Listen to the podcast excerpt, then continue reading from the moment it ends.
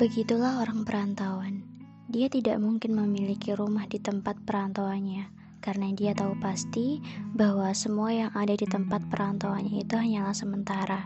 Sedangkan dia sangat meyakini bahwa dia tidak merencanakan akan selama-lamanya berada di tempat perantauan. Dia meyakini pasti akan kembali ke tempat asalnya.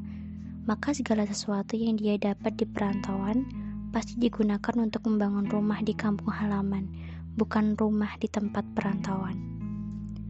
Demikian pula dengan keadaan kita di atas muka bumi ini. Keberadaan kita sebagai manusia di dunia ini hanyalah sebagai perantauan, karena kampung halaman kita yang abadi adalah di alam akhirat.